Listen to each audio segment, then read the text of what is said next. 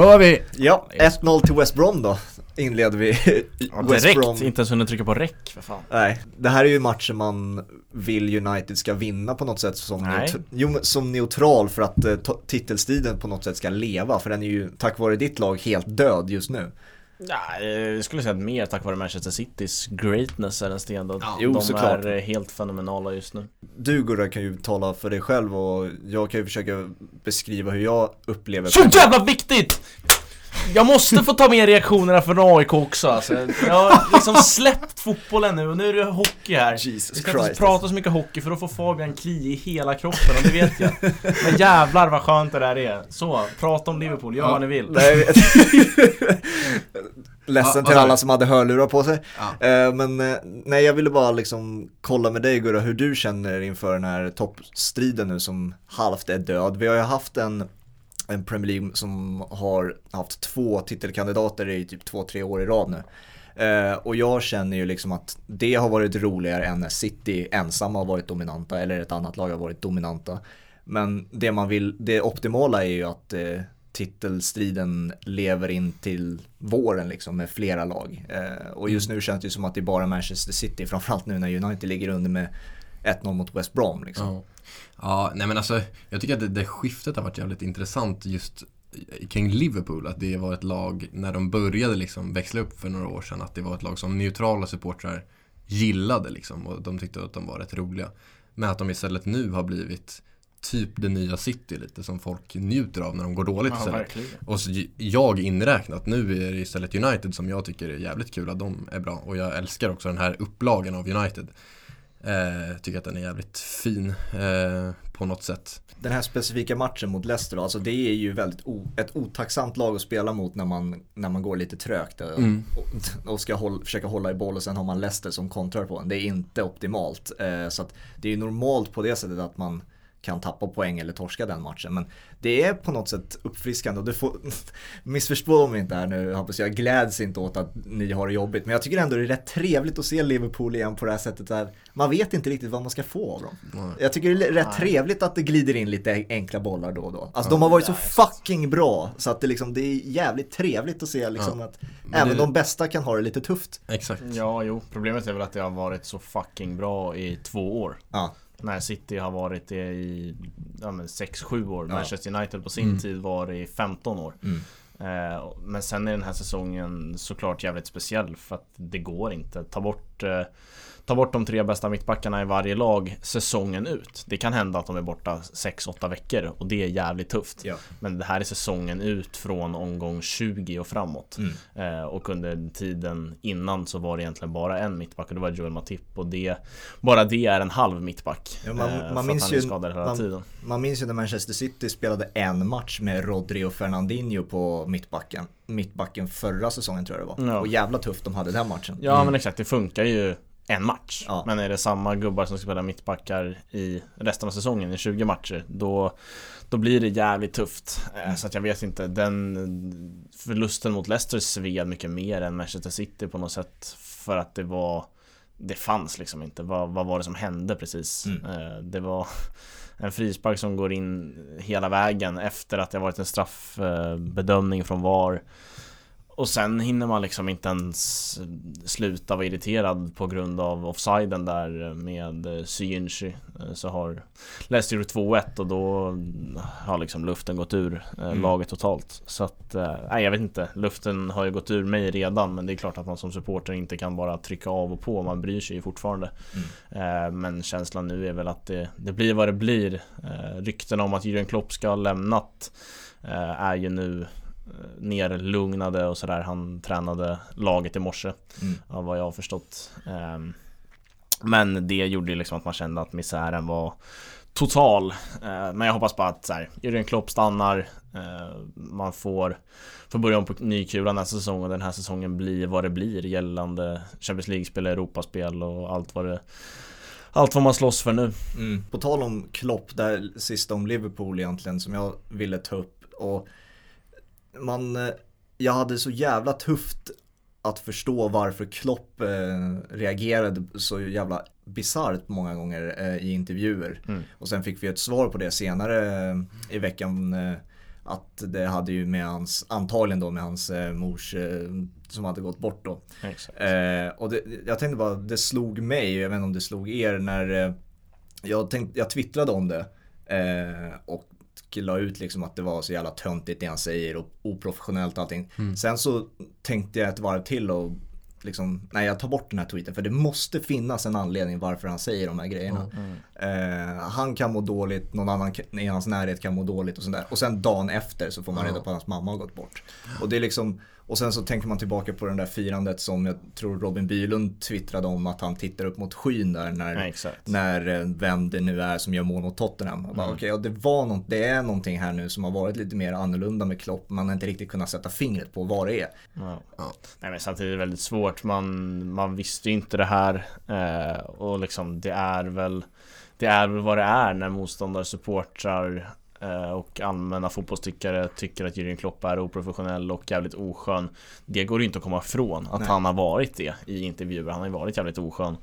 Sen är det klart att det sätts i ett helt annat ljus när man får ett annat perspektiv på det. Mm. Eh, och sen liksom den här nedgången i energi tror jag har varit liksom den kommer ganska naturligt, inte bara av att hans mamma har gått bort utan att så här, det har varit tufft nu ett tag, det har varit skador som gör att han har fått laborera om. Men sen också får man gå tillbaka till att Liverpool vinner sin första titel på 30 år och han leder laget. Men det blir ingenting av det. Det blir mm. inget firande, det blir ingen bussparad. Och det är klart att det sätter sig i, i en sån person som Klopp. Mm. Eh, om man liksom tar ut personen från fotbollstränaryrket så är det ju en person som älskar den här energin och jag tror det är därför han håller på med fotbollen för att det är för fansens skull. Mm. Och det har pågått så länge nu att han inte får ha det. Och det jag tror att han behöver mer än liksom Guardiola tror jag trivs utan publik på ett sätt. Mm. För att då får han utrymme att ropa till sina spelare de här taktiska briljanta idéerna han har. Mm. Eh, så att det har det har varit en nedgång nu länge i energi hos Jürgen Klopp och liksom såklart extra mycket när ens mor går bort. Ja.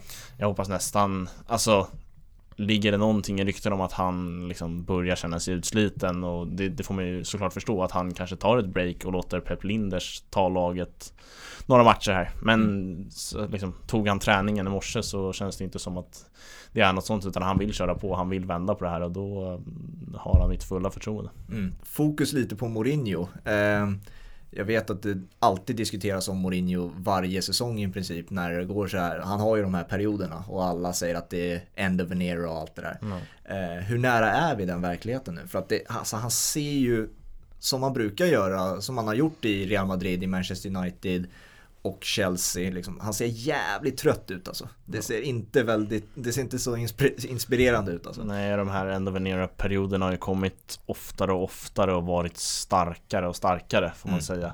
Jag tycker att hans byten i matchen mot City personifierar uppgivenheten mer än någonting annat. Han slänger in Dele Alli och Gareth Bale, mm. vilket är två spelare han ganska tydligt har gjort har visat att han inte litar på. Mm. Eh, och då tror man inte heller att man kan vinna matchen om man skickar in två spelare man inte litar på.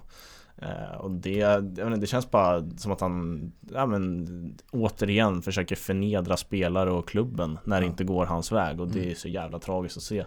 Så att han kan inte sitta kvar efter den här säsongen. Jag tror att en en ligacuptitel gör att han får sitta kvar resten av säsongen nästan oavsett hur ligaspelet ser ut. Ja. Torsk i ligacupen och tungt i ligaspelet då kan det nog bli sparken redan innan ligan är över. Mm. Eh, men han kan bara inte sitta kvar där. Och då har liksom de här två åren blivit lite förlorade för Tottenham där man har tappat hela sin identitet med liksom den offensiva fotbollen och det höga pressspelet och liksom det roliga som många menar. Mm. Eh, men man har tagit ett steg tillbaka där. Man har gjort nästan Dele Alli, han har inte fått spela fotboll på liksom kontinuerligt under lång tid och det är en kreativ, jättefin fotbollsspelare i sina bästa stunder. Så att äh, det blir intressant att se vad Tottenham tar vägen efter Mourinho för det är någonstans där man måste lägga fokus hos Tottenham. Vad som händer efter Mourinho. Också Mourinho tänker jag, vad kommer han få för jobb? Ja. Efter den här perioden. Jag kan inte nämna, eller jag kan inte komma på, eller komma på, det är klart jag inte kan komma på en supporter. Men jag Nej. kan inte tänka att det finns speciellt många supporters i hela världen som skulle vilja ha en Mourinho till sitt lag. Jag alltså, tror det är liksom West Ham, Everton jobbet han kan få i England. Men utöver England ja, så tror det jag... Det tänker inte han ta. Nej, Nej, och det är därför jag tror att vi kommer se honom utomlands eller i landslag numera. Efter Tottenham. Alltså, ja, möjligtvis landslag. Då. Alltså, han är jättebra kompis med Fiorentino Perez fortfarande. Jag lovar att han en, eller jag säger inte lovar, men jag tror fortfarande att det finns en stor chans att han tränar Real Madrid en, en gång till. Ja, till det, exempel. Det hade varit så tragiskt från mm. Real Madrids håll. Ja, för att det är inte en coach som kommer med några nya briljanta idéer. Verkligen inte. Ja, så här, jag tror inte heller hans fotboll är stendöd. Bevisligen så funkade det ett tag i Tottenham där. Men när det väl börjar gå tungt, då finns det ingen återvändo. Nej. För att, men... alltså de, de försvarar med 11 spelare, mm. ganska djupt ner. Men de försvarar inte. Ja. Det är helt... Det spelar ingen roll, alltså, det, behöver inte, det krävs ingen Kevin De Bruyne för att liksom luckra upp det där det krävs bara en långboll från Ederson. Tydligen. Nej, men alltså, så här, det, det, blir, det blir så talande när en långboll från en målvakt kan gå igenom ett Mourinho-lag. Då är man inte trygga i försvarsspel. Det finns ju en klar cykel som Mourinho hela tiden tar liksom, när det handlar om hans eh, karriär och när det börjar gå ut för. Eh, jag vet inte om ni känner igen den. Det, det, börjar bli jobbigt och så slänger han in lite random spelare som han, som du har varit inne på, inte tycker om för att han vill bevisa, kolla hur dålig trupp jag har. Mm, eh, och det är det vi ser nu. Han börjar eh, kritisera spelare öppet, Bale, som det har handlat om den här veckan. Sen så börjar det växas ut hår, håret blir längre, han börjar också, an, ansiktshåret börjar, det börjar bli lite stubbigt. Ja. Eh, jag vet inte om ni har tänkt på det. Alltså, jag har inte tänkt på det tidigare nej, sektioner men det, det blir säkert Han ser lite tröttare ut, alltså ja. det blir lite mer ringar under ögonen. Mm. Eh, och sen så till slut så blir ju resultatet så dåliga så att han får sparken. Mm. Och därefter så åker han ju hem till Portugal fixar en solbränna, klipper sig, mm. kommer tillbaka till någon studio, säger någonting fint, analytiskt och taktiskt och så säger han att jag är redo att köra igång igen. Ja. Och då luras hela, allihopa att han är tillbaka, han är, mm. han är ny igen. Och allt det där. Eh, och så får han PSG-jobbet, eller mm. något sånt där. Ja. ja. men han är ju så jävla tragisk just nu, han lever ju på myten om sig själv. Ja. Eh, och det börjar ju fler och fler syna. Jag tror att det blir väldigt svårt för han oavsett vilken barberare han går till i Portugal. alltså, det, blir, det blir svårt för han att lura folket igen. För att det här är, nu har inte ens liksom nått sin vanliga cykel med eh, andra året går bra, mm. eh, tredje året går skit. Det här är andra året, det går ju katastrof. Ja. Sen får vi se, alltså, tar han den där titeln då blir han ju inte rolig att ha att göra med. Nej. Alltså med ligacupfinalen där. Eh, men jag har svårt att se det, alltså med tanke på att de ska möta det City de mötte det, det, i lördags 100% om han vinner den så kommer han ju säga att det är hans eh, biggest achievement. Precis som han gjorde i United. Ja. Eh. Och någonstans är det också göra Tottenham till åtlöje. Ja, precis. Ja, men det var det alltså, exakt. Det är så här, ja, förlöjliga sin egen klubb. Ja, ja men verkligen. Att det var jag som, rädd, det var som räddade klubben liksom. Ja, från att vinna mm. titel ja. ja, ja. Mm. Nej, nu jobbar vi in Cavani, Bruno och Shaw poäng här i FBL Tycker jag Är det de du har? De har jag, Triple United eh, Bruno. Luke Shaw, varför? För han gör väl inte är... mycket poäng? Oh, jo, det gör han faktiskt Han gör det? Ja, jag tycker Ur FBL-mässigt perspektiv Ja, sen så tycker jag att han är bra En otroligt bra vänsterback också, i alla fall den här säsongen Mm. Eh, men de jobbar vi in. Eh, jävligt ja, intressant FBL-vecka faktiskt. Den här ja, det varit en FBL som kretsar mycket kring uh, Ilkay Gündogan och ja. även mm. fotbollen i stort. Fan vad han fortsätter ösa. Ja. Uh, och det målet han gör där, som vi var inne på med Edersons passning, Davison Sanchez. Han, han ser helt... Han borrar in huvudet i marken. Ja, exakt. Ja, men han ser ut att vilja ligga kvar där resten av matchen. Det är så här, nu, jag, nu orkar jag inte mer här alltså. Nej. Men alltså det är ju klass rakt igenom det Gündogan gör med bollen också. Definitivt. Ja, Med, Medtagning och sen är det bara en enkel drag. Det, det är ju så Agüero i prime uh, Agüero. Mm. Det är ju ja, ja. fantastiskt. Uh, avslutet är li, lite sådär. Men... Nej, men jag förstår inte att heller att motståndarlagen inte har börjat syna det här för att jag ser alltså som motståndartränare hade jag hellre gett 20 lägen till Gabriel Jesus än 5 till Ilkay Gündogan. för att på 20 lägen av Jesus blir det ett mål, på 5 av Ilkay så blir det två. Mm. Fem höll jag på att säga. Ja, men nästan. Det känns så ibland. Eh, men han får fortsätta liksom kliva upp från mittfältet in i straffområdet. Ja. Det är ingen spelare som plockar upp honom ens i straffområdet och det är Nej. så jävla märkligt. Ja.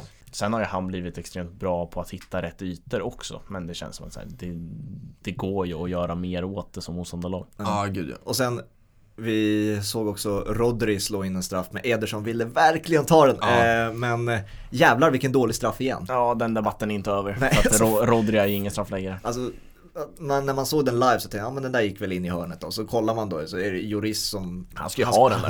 100% ska rädda den där. Ja. Alltså, det, alltså, hur fan kan man inte ha en straffskytt i ett lag? Nej men alltså det var också, vi hörde ju det, jag vet inte vem av det var som, oss som hörde det, men att Rodri bara typ hade plockat upp bollen. Eh, och så hade han bara fått Ja, exakt, straffen. han- det var, de hade liksom inte snackat om det Nej. innan. Det var bara så här, alla bara, det var typ, ja. Han hade sagt i en intervju att så här, jag plockade upp bollen, det var ingen som sa något så jag tog Exakt. Alltså det är ju också så märkligt och jag tycker att där, jag vet inte om det är Pep eller vem som nu styr det där eller om det är spelarna själv. De har gjort fel från början att det har varit en miss och du är borttagen. Ja, ja, så verkligen. går det inte att Nej. välja straffskytt. Då hade de största i världen varit borttagna för länge sedan Ja. och så hade man rulla, rullat runt på liksom Då hade Ronaldo och eh, Zlatan inte gjort så många straffmål som de gör. Nej. Kevin De Bruyne har kanske ligans bästa tillslag och från 11 meter mot målvakten, då är det klart att han gör mål Ja. de allra flesta lägen. Ja, Absolut. Han är ju en favorit där kan man, säga, kan man minst sagt säga. Ja, Jo verkligen, den enda som inte ska ta straff i det här laget är typ Sterling. ja han är ju Alltså, faktiskt han ska ju inte verkligen bra inte från ta 11 meter. Eh, eh, Men det är typ den enda, helt ärligt. Jag hade gärna gett, ja, gärna och gärna, gärna gett den till en Ruben Diaz liksom. Ja, vi snackade Ilka Gündogans eh, enorma vad heter det, effektivitet. Ja. Och det är klart att han från 11 meter mot målvakten gör också mål Ja, de flesta lägen. Känns det inte som att det ändå då att man på något, alltså sånt här, sån här basic sak som man ska klara av som straffskytte i ett lag. Är inte det som typ fäller Manchester City i ett Champions League? De, får, de får en, liksom en straff. Jag, jag minns till exempel när de åkte ut mot Tottenham där, jag vet inte om ni minns det, det där med offside eh, Jo, tack. jo, Det- ja, vi. Den första matchen så missar Agüero en straff. Mm.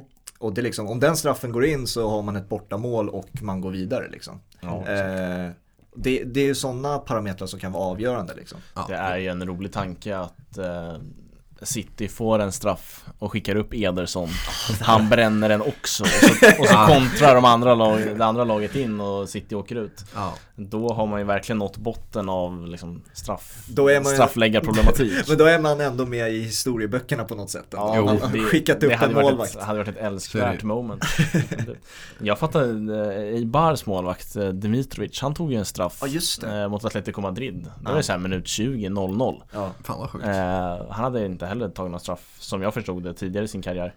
Eh, och... Men den slog han in säkert. Ja exakt, den slog han in. Men det, det känns också som att ska man skicka fram keepern så blir det en grej man gör när man kanske leder med 2-3-0. Bara Mm. för att det finns ju ändå en överhängande risk för kontring. Mm. Oavsett hur, alltså om han drar upp den på läktaren. Då har han ändå 100 meter att springa Mm. medan andra laget kan sätta igång en inspark. Mm. Så det är ju mål eller en otroligt stor risk att man släpper in mål. Champions League då. Eh, vi släpper det här avsnittet på en Champions League då. Då är det ju PSG som ska lira Barcelona och sen är det också Leipzig-Liverpool va? Ja, så är Eh, det och- tyvärr. vi har ju redan surrat om eh, mycket väldigt mycket om Liverpool redan så de behöver vi egentligen inte ta utan Nej, fokuset, fokuset är ju Barcelona och PSG-matchen då såklart och eh, den stora nyheten där är ju att Neymar återigen missar en åttondelsfinal i Champions League. Eh, tre av fyra tillfällen tror jag det är nu. Ja, det är ju otroligt. Ja, och många skämtar ju om att det är hans syrras födelsedag eh, i samband med Det, den det, här alltså, matchen. det, det, det går inte att skämta om det. Nej. Nej, Nej, det- nej, nej, Det kan inte tas som eller- nej. det är ju ett faktum, här. det är ett faktum att hans syrra fyller år i Ja, samband. ja, verkligen. Exakt, och det är ett faktum att han är skadad väldigt ofta runt den perioden. Ja, Det Ja, är, jag vet inte. Det, Ja, det- det, ja, börjar just- nästan bli så mycket så att man inte kan tro att det är liksom ett, oj vilket sammanträffande att det blev så här. Nej. men ni såg väl smällen, alltså det är ju en det är ju en smäll som bidrar till en skada många fall. Ja, definitivt. Men det är också så här. Neymars läkkött är ju inte i närheten av Jack Grealish. Nej, så är det. Absolut. Eh, och det, är så här, det kan väl inte kanske han göra någonting åt. Det kan han ju för man, sig göra. man pratar ju ofta om så här, han får ta så mycket smällar. Mm. Och det är klart att han är en av de spelarna i världen som får ta mest smällar. Men det finns också väldigt många andra spelare som får ta smällar och inte bli skadad lika mycket som han. Mm. Och det, det bidrar ju till hela hans legacy på något sätt. Att så här, han, han är alltid skadad. Det, det är ju hans ego där som Alltså jag vet inte om ni följde den där situationen som ledde fram till skadan då. Men det är en Han får en intensiv press från den här spelaren och han får en rejäl smäll. Eh, och eh, jag vet inte om man får en varning eller inte men i alla fall de skiljs åt. Och sen så får Neymar bollen igen och möter samma kille en mot en mm. igen. Och liksom vill förnedra honom igen. Och det leder sen till att han får ytterligare en smäll och därav kommer mm. skadan. Så att det är liksom, han vill ju visa på sitt sätt att jag är en bättre fotbollsspelare ja, än dig så jag vill dribbla av dig och förnedra dig. Men det leder ju också till att han får mer smällar. Speciellt om man möter en spelare som verkligen bara är ute efter att sparka efter den. Liksom. Ja, men jag är också lite trött på hans offerkofta han drar på sig när han får de här smällarna. Att så här, Ja, jag vet inte vad jag ska göra längre. Jag vill bara spela fotboll och ha kul. Ja, det var ju det han sa efter matchen. Ja, men så här, lugn. Ja. Du har väl fattat vad liksom att också av någon anledning så har typ den franska ligan blivit Den är riktigt stygg så på det sättet Jag tror att många snackar om så här, nu sparkar vi ner Neymar Jag tror inte på samma, alltså även fast engelska ligan Kanske utifrån ses på det sättet. Så jag tror typ inte det går samma snack om Jack Relish. Utan så här, Nej, vi håller koll på Jack Relish. Mm. Men det är inte så att de säger ja, fan gå ut och sparka ner den jäveln. Men det tror jag typ att man säger i franska ligan. Ja men så, så är det absolut. Uh, Sion uttalar man det va? Eh, som inte, var tre, det, var, det var de i alla fall, om jag uttalade det rätt vet jag inte. Men Nej. deras tränare, inte, deras, tränare deras tränare efter matchen sa i alla fall att han får skylla sig själv lite. Alltså vi, om du dribblar mot oss då kommer vi eh, alltså ge igen mm. på något sätt i alla fall. Och jag vet att det är en intressant eh, jämförelse att dra i La Liga till exempel när varje gång Barcelona spelade mot Athletic Bilbao. När Valverde var tränare i, eh, i Athletic Bilbao innan han tränade Barcelona. Mm så sa han till sina spelare och på presskonferenser, det enda jag säger till mina spelare är att andas inte ens på Neymar. Alltså låt honom vara. Liksom, mm. För att det kommer leda till en frispark eller straff liksom, mm. och då torskar vi matchen. Låt honom vara. Låt han göra sina överstegsvinter. Spelar ingen roll. Liksom. Låt han vara. I Frankrike som du säger, helt tvärtom. Ja, så kör över honom. Det är liksom det. Ja. Ja, men det är väl också kanske den här liksom att den här överlägsenheten som PSG har står Neymar dyrt på något märkligt sätt. Mm. Att det blir så här Motståndarna känner, alltså Valverde var ju smart där med Bilbao att inte dra på sig några onödiga frisparkar. Mm. Eh, lagen i Frankrike kanske känner att det spelar ingen roll om vi drar på oss en massa onödiga frisparkar, vi kommer ändå torska den här matchen med största sannolikhet. Ja. Alltså just den där överlägsenheten kanske står Ja men Neymar är dyrt. Mm. Jag tycker också, är inte kvaliteten att inte vara skadad ofta lite underskattad? Definitivt. Jo, absolut. Alltså, det är helt sjukt hur mycket man ser på folk som blir skadade mycket. Jag tycker så jävla synd om dem liksom. Jag tycker inte, ja, det är klart man ska tycka synd om folk som blir liksom när liksom, Ryan, vem är det? Ryan Shawcross kommer in och bryter benet ja, på, exakt. Eh, det är väl Ramsey? Rams, ja, exakt. Där kan man tycka synd om folk, men folk som eh, liksom vid repeterade tillfällen skadar fotleder, skadar knän. Alltså jag menar det är det första du lär dig typ när du börjar, ja, när du börjar, typ, börjar träna gym. Att du måste liksom bygga upp kroppen för att inte skada dig. Du mm. måste börja, alltså, så att det är väl en kvalitet så god som någon i sporten fotboll. Absolut. Att du ska undvika skador. Och det, det, det är sant. Alltså, det finns hur många fotbollsspelare som helst som inte tar det på allvar. Och sen, ja. Däremot finns det spelare som kan göra allting rätt men det spelar ingen roll. Man har Nej, den, man har den liksom, genen liksom. Michael Owen har ju sagt det flera gånger. Alltså det spelade ingen roll. Liksom, om jag Nej. sprang för många gånger på en match då drog jag baksidan. Mm. Det spelade ja. liksom ingen roll. Här på hemmaplan i Sverige har vi Gabriel Öskan som säkert alla AIK minns. Mm, alltså han hade ju en supertalang men det gick liksom inte. Det var skador hela tiden. Nej. Men det, jag håller med om det. Alltså, man tänker så här Harry Kane, hur mycket fokuserar han bara på att ständigt stärka ja. sina fotleder som alltid ja. går av. Liksom.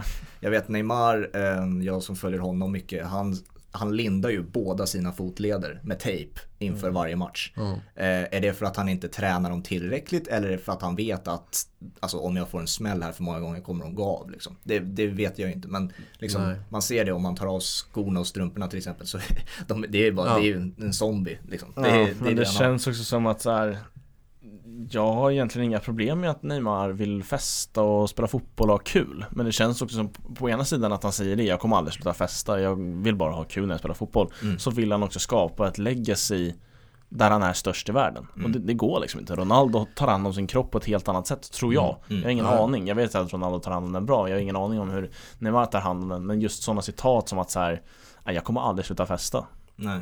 Alltså här, eller så skiter du i att festa nu på några år och liksom tar några Champions League-titlar här och mm. kanske leder ditt land till någon VM-titel Det kan han säkert göra också samtidigt som han festar för han har en otrolig fotbollstalang mm. Men de här skadorna sätter ju stopp för det Jag vet att många säger ju, alltså när man jämför Messi och Ronaldo så brukar man ju säga Ronaldo jobbar hårt och Messi är en talang mm. Jag tror att det finns tre i den där ekvationen Ronaldo jobbar extremt, extremt hårt så Messi är en talang, men han jobbar också hyfsat, inte lika hårt som Ronaldo möjligen, men han jobbar hårt. Och sen har vi Neymar. Han är mm. bara 100% talang, liksom. alltså, har tillräckligt bra genetiska, vad det nu är, i sitt DNA som gör att han kan, liksom är en skitbra atlet också. Mm. Och sen också, och sen inte mycket mer än med det. Han festar, han tränar inte jättemycket extra kan man ju tippa. Han, mm. Utan han är bara fantastiskt bra med en boll liksom. Det är mm. liksom där som definierar, alltså skiljer de tre spelarna åt lite. Absolut. Ja, och därför tror jag inte Neymar kommer nå samma nivå som de två. Nej. Alltså för att eh, just det, alltså det där snacket om Messi är liksom en talang och Ronaldo träningsprodukt. Det är klart att Messi lägger ner ett jävla gnugg också för att han är ju Han är inte heller skadad någon gång. Nej exakt och jag tycker att han är en av de två bästa genom tiderna. Jag håller Ronaldo och Messi som högre än någon annan tidigare. Mm. Eh, mest för att det är de jag upplevt men jag tycker även deras statistik är outstanding. Mm. Medan, då, då, då går det inte att nå samma nivå för Neymar om man inte lägger ner samma, samma, samma jobb. Nej. Men den här skadan då, eh, hur påverkar det er syn på åttondelen mellan Barca? För mig är PSG fortfarande favoriter. Jag tror jag sa det också. för alltså, mig blev den jämnare på något sätt. Ja, absolut. Mm. Det blir den absolut. Eh, men jag ser fortfarande Mbappé och eh, egentligen Mbappé ensam mot en Barcas backlinje. Mm. Liksom. Det är till skillnad från att Messi anfaller mot eh, Marquinhos, Kimpembe mm. och vilka nu som spelar, Keylor Navas i mål. Alltså, det, det ger mig mer förtroende att Mbappé kommer hitta på någonting. Jag tycker dock att Barcelona har vecklat upp nu senaste veckorna Absolut. Där mm. Messi har kommit igång så det, Men det är också en jävligt rolig match i matchen Messi mot Mbappé Att det blir de två tydliga stjärnorna nu mm. när Neymar är out mm. Att så här, ja men vad ska PSG starta med? De Maria är också out ja. Eh, så att det blir väl liksom Moise Keane och Icardi kanske mm, ja. det, Och då blir så... det verkligen Mbappé som är tydliga stjärnan Precis som Messi i Barca när han har Griezmann och Jag vet inte ens vilka som spelar i det jävla laget längre Trincao, Dembele ja, exakt, ja men det är liksom så här Det är lite, lite samma Samma nivå över hela laget och så har vi Mbappé och Messi som står ut i varsitt lag. Mm. Vilket blir mm. väldigt intressant. Vad du då Gurra? Ja, jag vill ändå, alltså jag tänkte precis komma till att jag tycker också Barca har växlat upp, eller jag tycker och tycker de har det. Eh, men så jag håller nog nästan Barca som favoriter helt ärligt. Eh, men eh, sen är det ju Champions League också, då får man ju, då tror man ju mindre och mindre på Barca.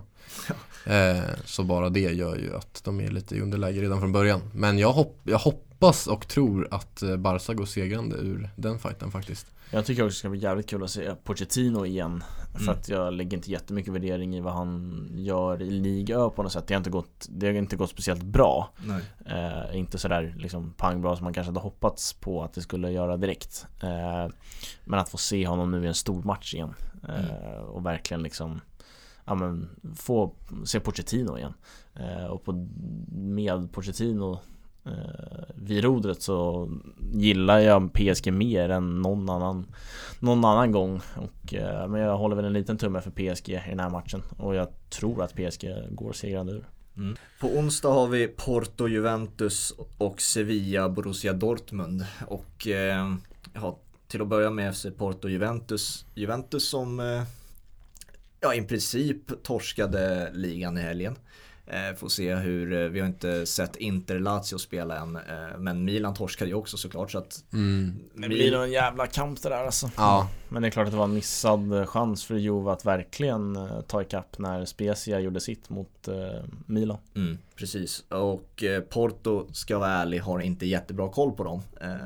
Nej, det har man inte. Hur går det i men känslan är Liga att, Portugues. Ja exakt. Men alltså från tidigare upplagor när jag kommer ihåg när Porto lottades mot Liverpool Den säsongen där Liverpool gick till final och torskade mot Real Madrid. Ja. Och att det så här, ja men det här är en ganska tuff lottning. Man ska inte underskatta Porto. Och Liverpool gick ut och gjorde slarvsylt av dem. Mm.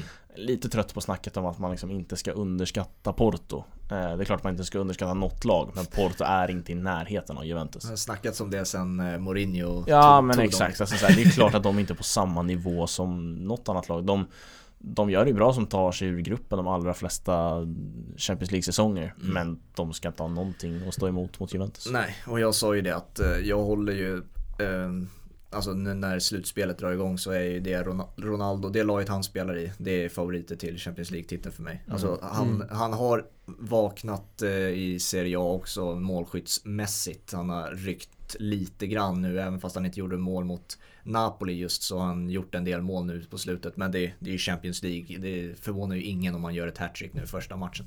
Nej, det ehm... Så för fan! Jag, jag, tycker också, lite trött på Pirlo och hans snack om Dejan hela tiden. Ja, jävlar eh, det... Ett tag var det så här, men han måste visa mer eh, Och nu är det så här, han måste jobba på sin defensiv. Hallå, du har Bernadeschi och Chiesa, ja. vad fan visar de? Mm, Chiesa var, var, ganska bra i början av säsongen, nu tycker jag inte han visar någonting.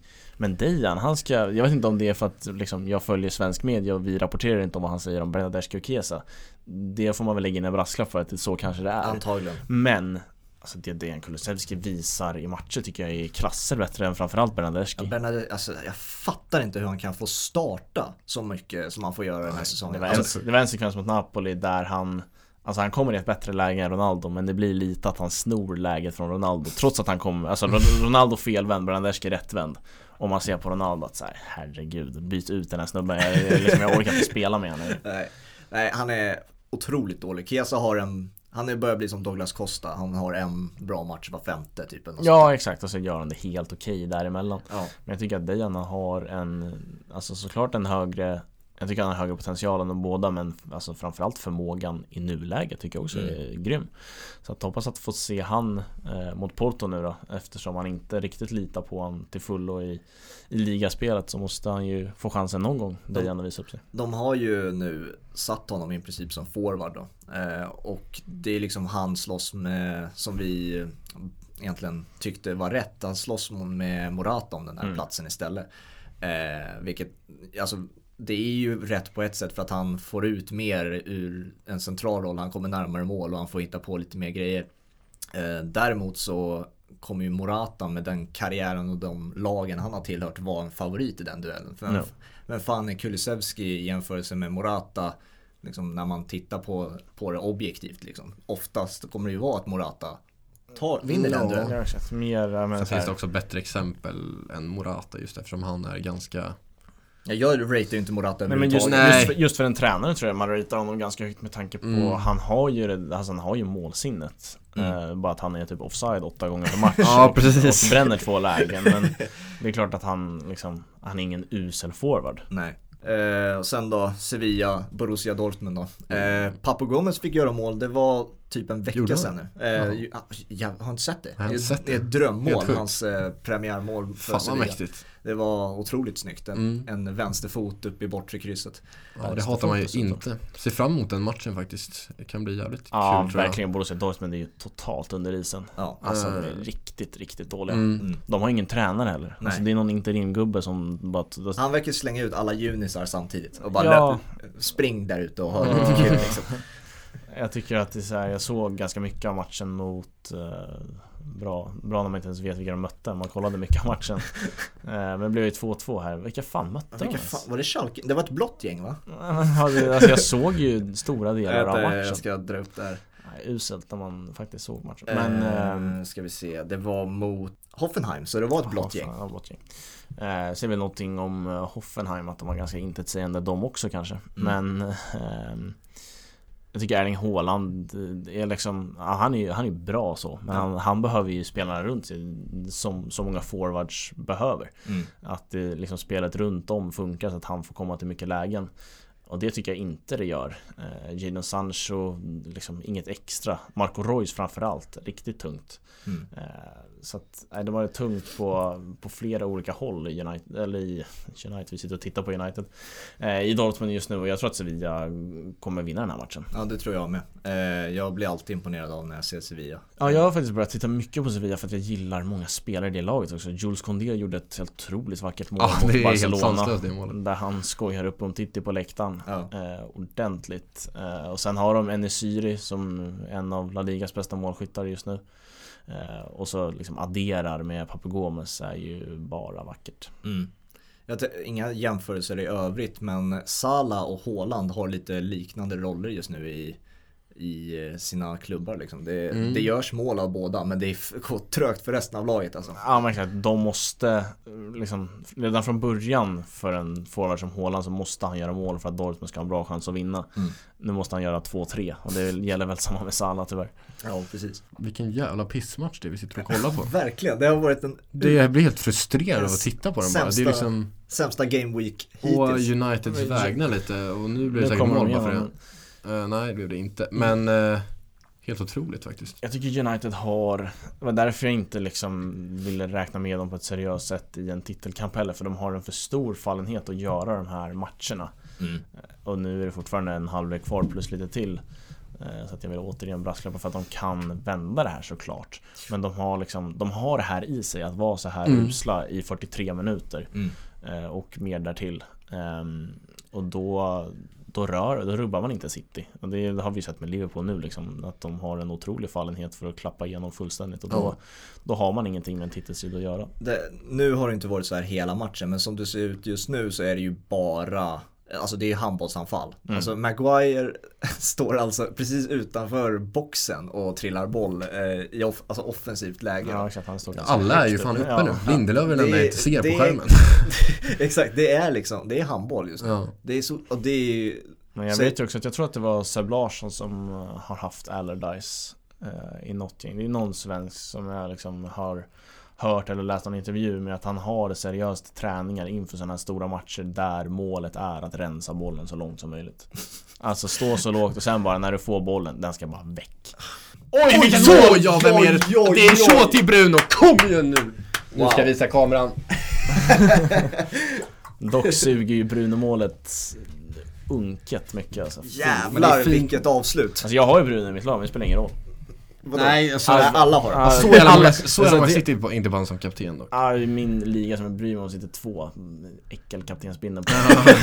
så att så här, det, det är det enda jag bryr mig om. Jag bryr mig inte om världsrankingen så mycket. Och det är ju Luke Shaw som har assist också. Ja, men det är det jag ja. säger. det var, jag, jag tänkte Han är så fin. uh, men uh, Nej men det har man ju, jag vet inte, jag har fått mer insikt kring det den här säsongen i FPL också. Att så här, det där målet är dåligt för mig. Trots att jag har Bruno i laget. Mm.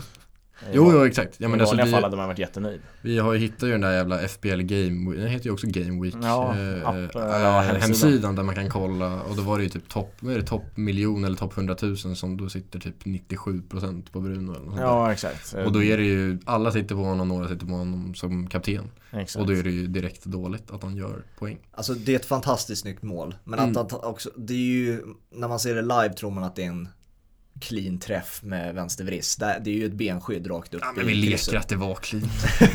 ja, men liksom, när man är on top of the world liksom som Bruno är, då, då går allting Allting bara mm. faller på plats. Liksom. det spelar ingen roll hur jag pendlar, den kommer att hamna i krysset. Liksom. verkligen tycker det där var nog också viktigt för eh, ATG-Rickard Som eh, inför matchen spelade på att United skulle göra mål i båda halvlekarna Och det var ju tre minuter ifrån att de inte skulle lyckas göra det i första halvleken ja, Stackarn om man hade haft det fel där alltså.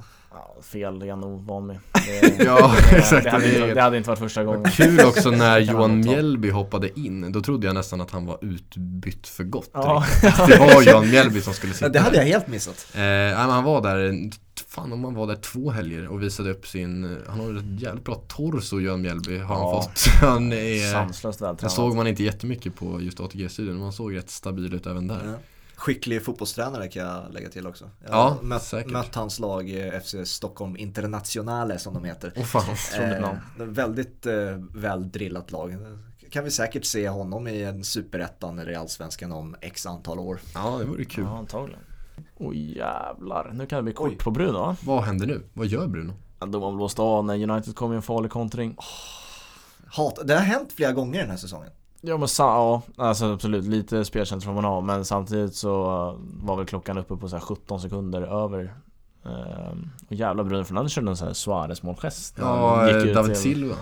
Han, de tackar ju den almighty herren Alla möjliga väsen där uppe mm. Nej, ska man inte, ska man vara försiktig med att förlöjliga men eh, Nej, absolut. här förlöjligas ingenting. Nej, nej, nej, det Jag säger bara- bara vem, man tackar och sånt. Jag vet Ja, inte. Jag, Nej, jag, bara, jag, bara, jag bara ville lägga in en så kallad brasklapp för andra gången i det här avsnittet.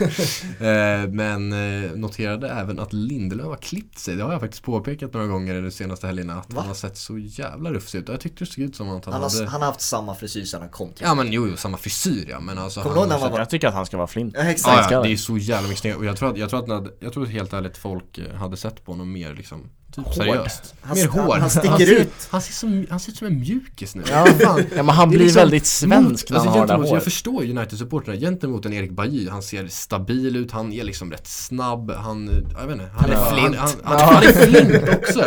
Och så är han jävligt, ja, jag vet inte vad jag ska säga. Alltså, jag förstår folk som bara Jag Kanske inte har så här skitbra koll egentligen på vem som är Nej. bäst. Men man, alltså, man blir mer tilltalad av en Erik Bajy.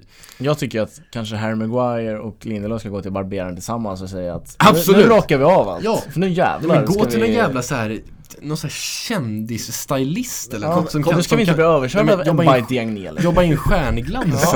Det tror jag på. Kommer ni ihåg den här reklamen med Balotelli? När han klippte sig inför EM 2012? Kommer du ihåg det? Nej. Nej. Han gick in till någon eh, barbershop där då, i Manchester och så, så, eh, inför EM 2012 som sagt och så skulle han ha- något, så, jag kommer fan inte ihåg vad han sa vad han ville ha för frisyr för de frågade sig, ja vad vill du ha? Han sa typ såhär, ja jag vill sticka ut eller något sånt där. Det, var, det här var en Nike-reklam. Men han klippte sig på riktigt. Ja, alltså han annars klippte- är- det är liksom- i en reklam går det att trickfilma så. Exakt, men så, så först hade han en afro och han bara, så tittar han in i kameran och bara no. Och sen så får han en annan frisyr och bara no. Och till slut så får han den där klassiska Balotelli till. Och så bara ler han och nickar så här liksom, nu kör vi E. Och så, han flög ju i det EMet också. Ja, det gjorde han. grym. Men, den där reklamen låter nästan lika dålig som Rydgers eh, ehm, annonseringsvideo i Chelsea. eh, och den, är, den vet jag inte om det är många som har sett men eh, den är otroligt dålig. Det finns ju andra reklam när um, finns ju någon reklam där Premier League-spelare nämner klubblegendar eller någonting När Kanté låter som Jar Jar Binks från Star Wars Vänta, vem? Kanté, Ah. och han ska också säga så här Typ Chris Oscar då, så här, en spelare jag aldrig hört talas om men säkert Aha. stor i Chelsea Som antagligen inte Kanté heller. Nej exakt, Kanté har säkert ingen aning om vem killen är och så Nej, bara nej. Chris Oscar Och jag bara, Jaha, ursäkta vad sa du? Nej, fotbollsspelare är ju inga Alltså fotbollsspelare är ganska osmarta människor överlag Gud ja, gud ja. Det är ingen intelligensreserv där Nej, inte. Eh, skådespelare är de inte heller Men de tvingas bli Nej. det ibland Det här måste ju folk titta på den här reklamen. Det är bara att söka Mario Balotelli haircut och så kommer den upp. Ja det är ju en otroligt dålig reklam från Nikes sida Jag, jag jag, så, jag, den. jag såg knappt loggan en enda gång och det brukar de vara experter på Ja. Nej, men Nike har ju haft väldigt många så här. Legendariska Legendar- reklamer både, åt båda hållen Mm, Ja. verkligen. Alltså det finns ju fantastiska, det är den här ehm, reklamen när en spelare signar för Arsenal och så får man se honom i eh, first, person, first Ja, person exakt. pers- Ja, perspektiv. dels det, jag tänker bara VR. Ja exakt, Ja, Ja. Har ni sett den reklamen? Nej jag tror inte det Nej men det är helt sjukt, det växte man ju upp med för fan. Det är ju... Ja men då är det Jävla mycket möjligt att jag inte reklamgur Fabian. Han, de, han mötte, I Arsenal då mötte han ju United och Ronaldo snurrfintade upp honom och satte den i bortre krysset och sen mötte de Barcelona i Champions League och Ronaldinho jonglerade runt honom och sånt där. Den reklamen jag minns mest är ju när eh, Det måste jag visa efter att de. Nike, Nike-gubbarna är eh, Alltså Nike-profilerna, Nike Athletes är eh, animerade och de ska möta robotgänget där Fantastisk Ja, så reklam. Den är också typ så här sju minuter lång Alltså Ja, full, är full version. Inför VM 2014 var Exakt, det. jag tror att det är den också Det är den reklamen många liksom Minns hela tiden, alltså så här, nämner en Nike-reklam, ja men det är den Ja den sticker ut, verkligen. Vad, vad jag, vi, vi ser inte ljudet nu, men jag ser ju bilderna från Viasat Syd Vad är oddsen på att Jonas Olsson försvarar Lindelöf och säger att det där ska dömas bort? Det, det, det, det går inte att spela på, alltså Jonas Olsson är Han är- största fanet av Victor Lindelöf som finns Ja, det, det enda som talar emot är att de möter West Brom i och för sig. Ja, exakt. han hejar ju på West Brom. Mm. Ja, men gud vad han älskar Lindelöf Ja, det, nej, men är, det är helt sanslöst Spelade de tillsammans i landslaget? Det kan de väl inte ha gjort? Jonas det Olsson kan de väl absolut ha gjort, eller? Känns det som Nej, han, han måste ha slutat något år tidigare innan Alltså Lindelöf spelade ju U21 2015 Mm. Ja, sant, sant, sant. Ja. Sjukt att vi har haft ett ganska cementerat mittbackspar i Jonas Olsson och Mikael Antonsson ett tag. Ja, det är... Som var liksom, det var de som, de var spikade det var. ja. Ett ganska bra tag känns det som. Sen var det ju en annan från Då är det inte, då är det inte konstigt att Zlatan var hård i sitt ledarskap Nej, för att komma tillbaks till det som, Det var någon annan, vad hette han Per Nilsson? Ja, Ja, var också men det med är där. tidigare. Nej, han var med mot Portugal. Oh, Han var med mot Portugal när vi åkte ut där. När Ronaldo... Så han med mot Portugal ja. när Ronaldo gör si målgesten ja, för typ första gången? När han gör hattrick ja. ja. Det, var, det är helt, oh, sorry, det kanske det var, inte var första. Nej, nu är Ronaldo historia här. Det, det var absolut inte första gången. Men det, ja men det är fan första gången som jag... Som, du la märke till det? Som, ja, kanske inte som jag, oh, jo. Eller alltså första gången som jag kommer ihåg. Ja. Sen så kan jag inte säga att jag bryr mig jättemycket om när han gör det. Men... Jag kommer ihåg just den målgesten så hörde man också vad han sa. Ja, det var något Mycket nytt. tydligare. Mm. Ja, bra, bra stämband. Mm. Ja det har han verkligen. Det hör man ju, alltså på tal om Si, alltså extra tydligt när han vinner eh, Ballon d'Or där och 20, drar iväg ett Si som, 2014 var det. som låter mer som sur. Alltså det är så mörkt och så grovt. Mm. Det roliga med det var ju också att eh, så här, ehm, Real Madrid-spelare och tränare som satt i publiken, så här Ancelotti som var tränare då, mm. Ramos och sånt där som var med på galan. De, de tyckte ju det där var roligt för det där gör han ju för fan varje, varje gång liksom. Det där, ja. Ja, Men sen Thierry Henry som delade ut priset står bredvid bara, vad fan var det där?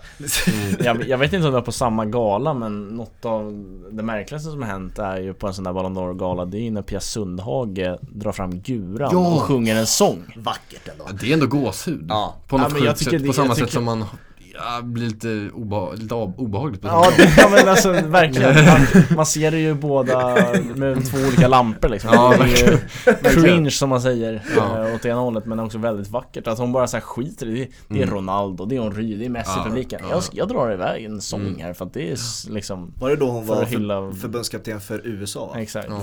det var väl någon sång där som Det var också sen, en sån där grej där hela, hela deras lag tyckte det var fint och roligt liksom Men alla andra bara, vad är det som sker här?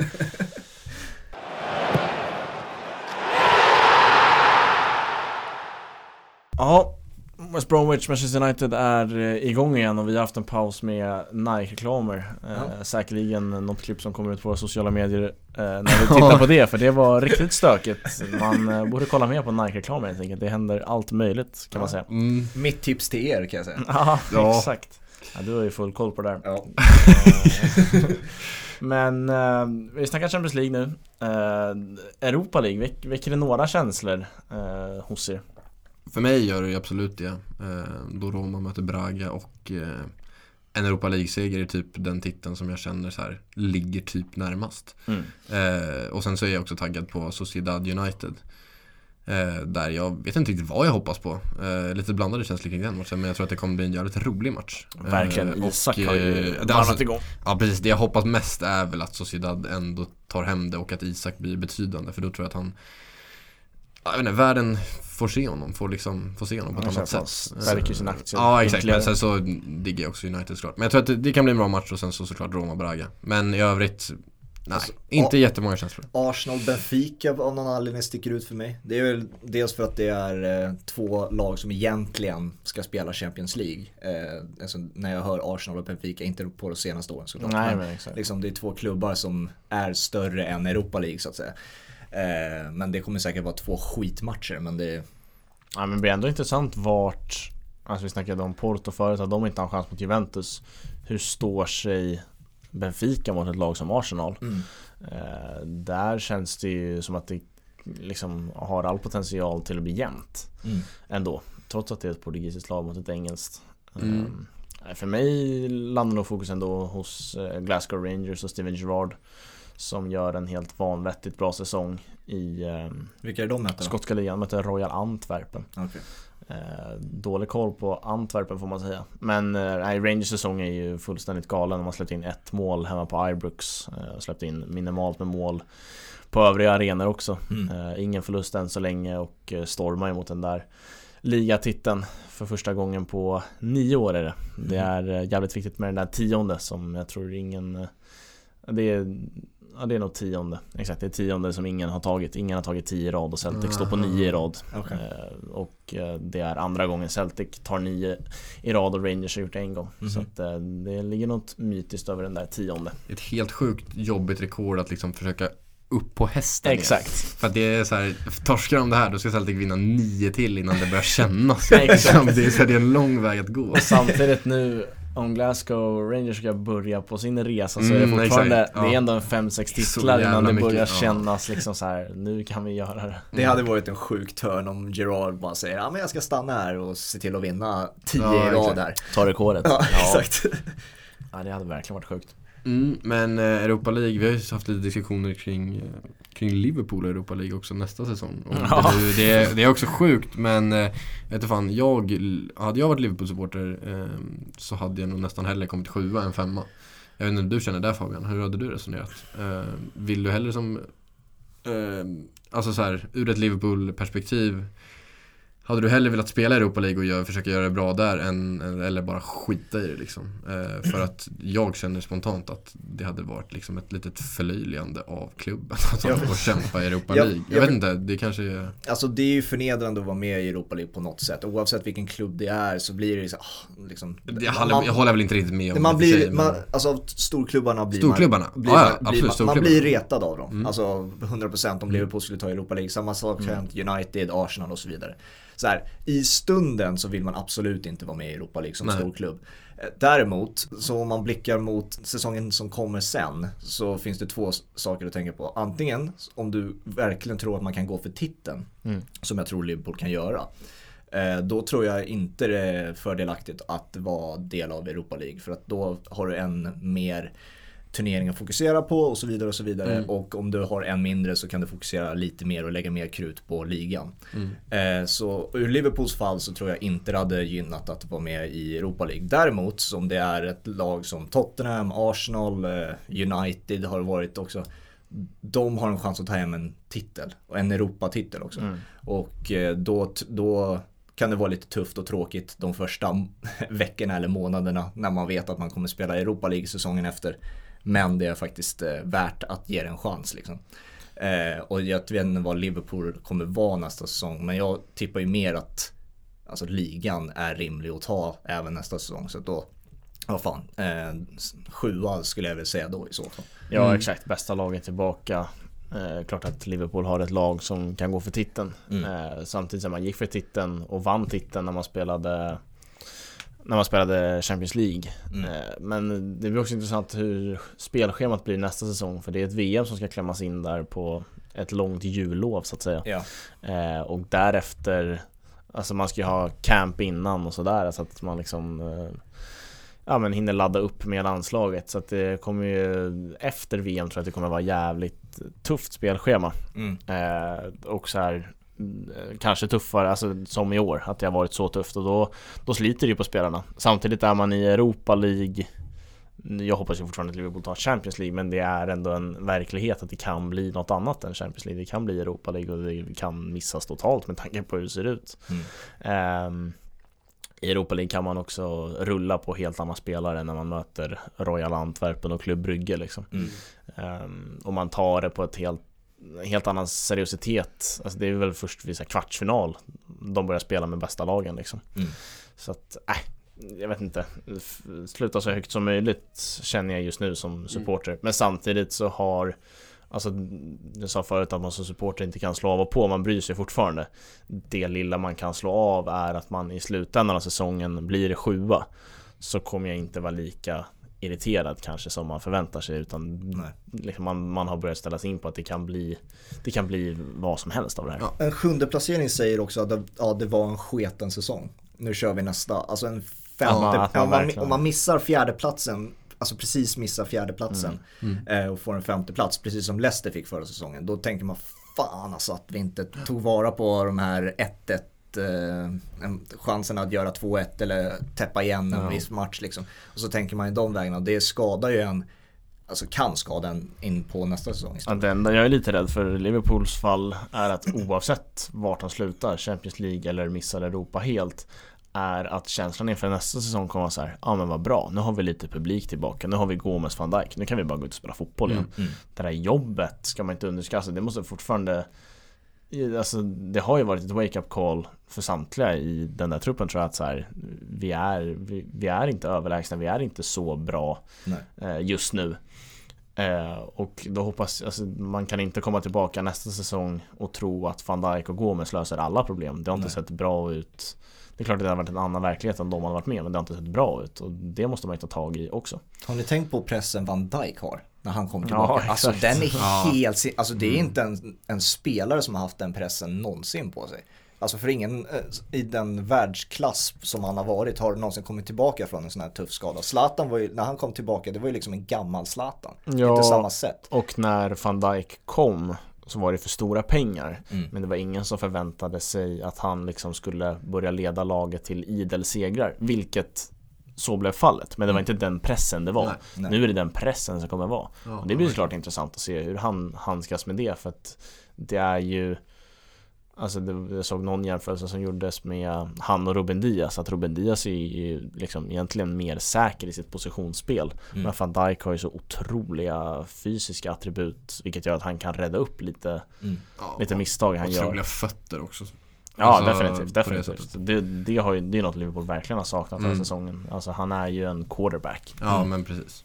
Men Liverpool kommer väl, de löser väl eh, åtminstone en sjätteplats eh, ska man väl, eh, ska man väl kunna tänka sig. Mm. Ja. Men jävligt intressant att se Liverpool i ett, alltså om man bara leker med den tanken att kunna se dem i ett Europa League-spel känns extremt surrealistiskt. Ja. Mm. Samtidigt så, alltså det, om man bara liksom så här, man har ställt sig in på att titeln är förlorad nu Vi alla, man gillar ju liksom när det är strider kring streck och gärna Mm. vill man ju ha såklart titelstriden Ja. Men jag tror topp 4-striden kan bli extremt spännande Ja. eh, Hela vägen in i kaklet. Där kommer Liverpool vara med, där kommer Chelsea vara med ja. Eh, jag vet inte om Tottenham kommer blanda sig men det är många lag som kommer vara med och slåss om Och det finns ganska, alltså jag tror att egentligen alla tre platser är Liksom up for grabs Ja. Jag tycker inte varken United, Leicester eller jag vet inte vem som ligger tre, fyra nu Liverpool kanske ligger fyra, jag vet inte eh, Men de som ligger på de platserna just nu Jag tycker inte något av dem ska, något av de lagen ska känna sig säkra Nej.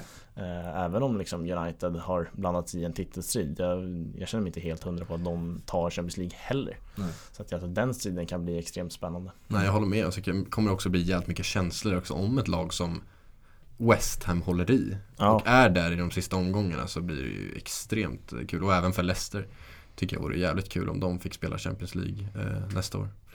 Ja, kan Så det då... kan ju bli ett- känslosamt på ett annat sätt än om ett Chelsea plockar Champions Ja League. verkligen. Eh, Och kan man då få tillbaka de här 2000-4000 Ja, såg ja, vi det- direkt alltså- vad det gjorde. Ja. Och få tillbaka mot ett slutstrid. Att se West Ham eh, plocka Champions League framför lite fans på London Stadium, då är gråten nära för mig.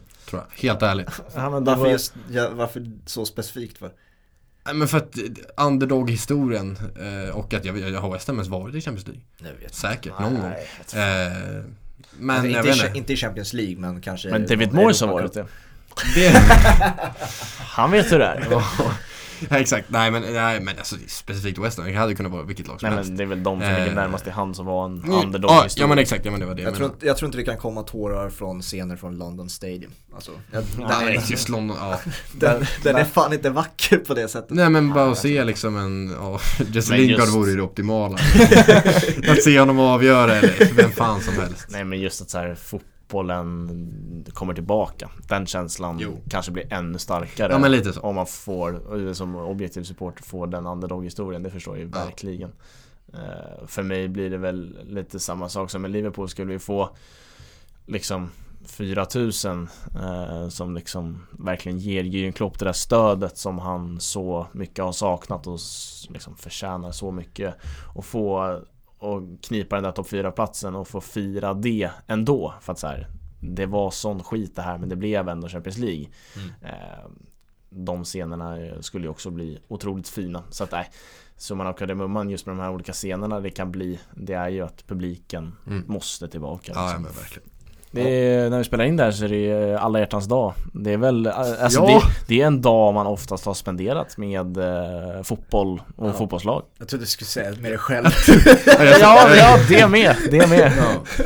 Ja det är jag, jag med. Ja, det ska man inte skämmas för, men jag tycker det här är en, en dejt så god som någon. Ja, men verkligen. Eh, Trevligt. Bättre än de flesta alla dag man har haft. Ja det är trevligt att ha er här boys. Ja, ja men verkligen. En, en överskattad eh, högtid som inte ens är en högtid så. Flaggdag. Ja men den, exakt, den, alltså, den är överskattad i övriga världen också. Den Ja. tas ju på fullast allvar typ Extremt USA. amerikaniserat. Exakt. Eh, Så att nej men fan, se Scott McTominay och Fred eh, rendera runt på ett mittfält, det är kärlek det. Verkligen. Verkligen. Verkligen. Nej men glad alla hjärtans dag på er. Var det okej Jokoslo som eh, tog det En till kortet? sak. Eh, Är det okej Jokoslo? Nej, det är det inte. Det är, är det inte eh, en kul om Okej Kuslo, vi skojade om hans namn förut, att, att han heter Okej. Det står även Okej på hans tröja. Det är okej. Det inte ens Kuslo. Så det är mycket som är okej med den killen. Men eh, alla hjärtans dag idag och även när avsnittet kommer ut så är det ju semmeldagen. Alltså, det är gott, jag har redan tyckt det ser jag mycket fram emot. Jag, jag har ju tyckt i mig en 6-7 semlor redan i år. Det är så! det är så jävla gott alltså. Ja, det är otroligt gott. Eh, vi avslutar med den här frisparken från Bruno innan vi... Och jag sätter eh, verkligen... Och den... Oj, straff eller? Hallå? Lindstralle. Han tar den va? Han blåste på någonting. Ja, det, är straff. det är straff. Maguire fixar den. Vilket, vilket Fan, mög. Alltså vilket mög. Just det. vilket jävla mög det är att spela det här spelet alltså. Fy fan. Saint Valentine vill inte att vi ska avsluta det här. Ja, det, här, det, här, det, här var, det här var inte kärlek. vänta, vänta, vänta. Kan det vara offside? Ja, det är offside. Åh! Fan, VAR! Ja, VAR är fint eller? Det är bra, det är bra grejer. Kärleksförklara VAR nu. Nej det ska vi inte göra. Så sjuka ska vi inte få. Det där är ju inte en straff heller. Han ramlar ju otroligt lätt Där hade man velat lägga in eh, Rob Holdings citat mot Adama Traoré. He's built, built like, like, a, a fucking brick shit house, how's it going on like that? Nej, ska, vi ska bara få det Hallå, bekräftat här att det inte Ta väck den här straffen nu. Ja. Skönt att få avsluta på en VAR-rant Varför ska han ut och titta på det här? Nej det är efterblivet För det handlar väl inte om att det inte är straff eller inte, det handlar om att han är offside. Ja. Det hoppas jag i alla fall. Då är det ju, då är det bisarrt De kanske det... tittar på någonting annat. Nej de tittar alltså de på De tittar på straffen. Nej men vad fan skämtar de eller? Det är offside. Nej, alltså blir det här straff, då vet jag inte vad jag gör. Jag blir glad men Glad och glad, alltså det är misär total ja, Det här ska inte vara straff Man kan ju inte skapa straffar från offside-lägen Ja, det är straff Det är helt sjukt! Men det är offside! Det är helt sjukt! Det är offside! offside. Ni missar ju en otroligt vital del i matchen Jag blir så arg så jag vill slänga någonting, skämtar de med dig? Här måste vi ha en MLS-historia, här måste de gå tillbaka och titta Fan vi har missat någonting men, Va? Va? Va? Det är straff! Det är inte straff! Det här, det här är så jävla bra när man kollar utan ljud, det blir, det blir härliga Nej okej okay. Det där tecknet Men vad, exakt, det, vad betyder det? Han vad betyder det här? Var det inspark då? Pekar på? Men jag fattar inte. Han kanske pekar på inspark men vad, det är, så kan, man kan inte peka. Man kan inte peka så. Men pekar han på inspark då är det också fel. Han ska ju köra upp armen. Offside. Ja, exakt. ja men inte, han har inte kollat på den. De har inte tittat på offside, de har ingen aning om att det är offside. Nej nu har vi ingen ljud oh, så vi har ingen aning om Men det var fint att vi kollade utan ljud för då trodde vi att det var straff. Och jag höll på att bli så arg så att jag höll på att kasta mig själv från Västerbro. Ja, och så var det inte straff. Nej, vi avslutar där Vi tackar för den här eh, gameweeken. På, eh. på fredag så ska vi snacka upp eh, Milano-derbyt. Mattias Concha gästar oss då. Det har vi att se fram emot. Ni får ha det så bra så länge. Ciao! Ciao!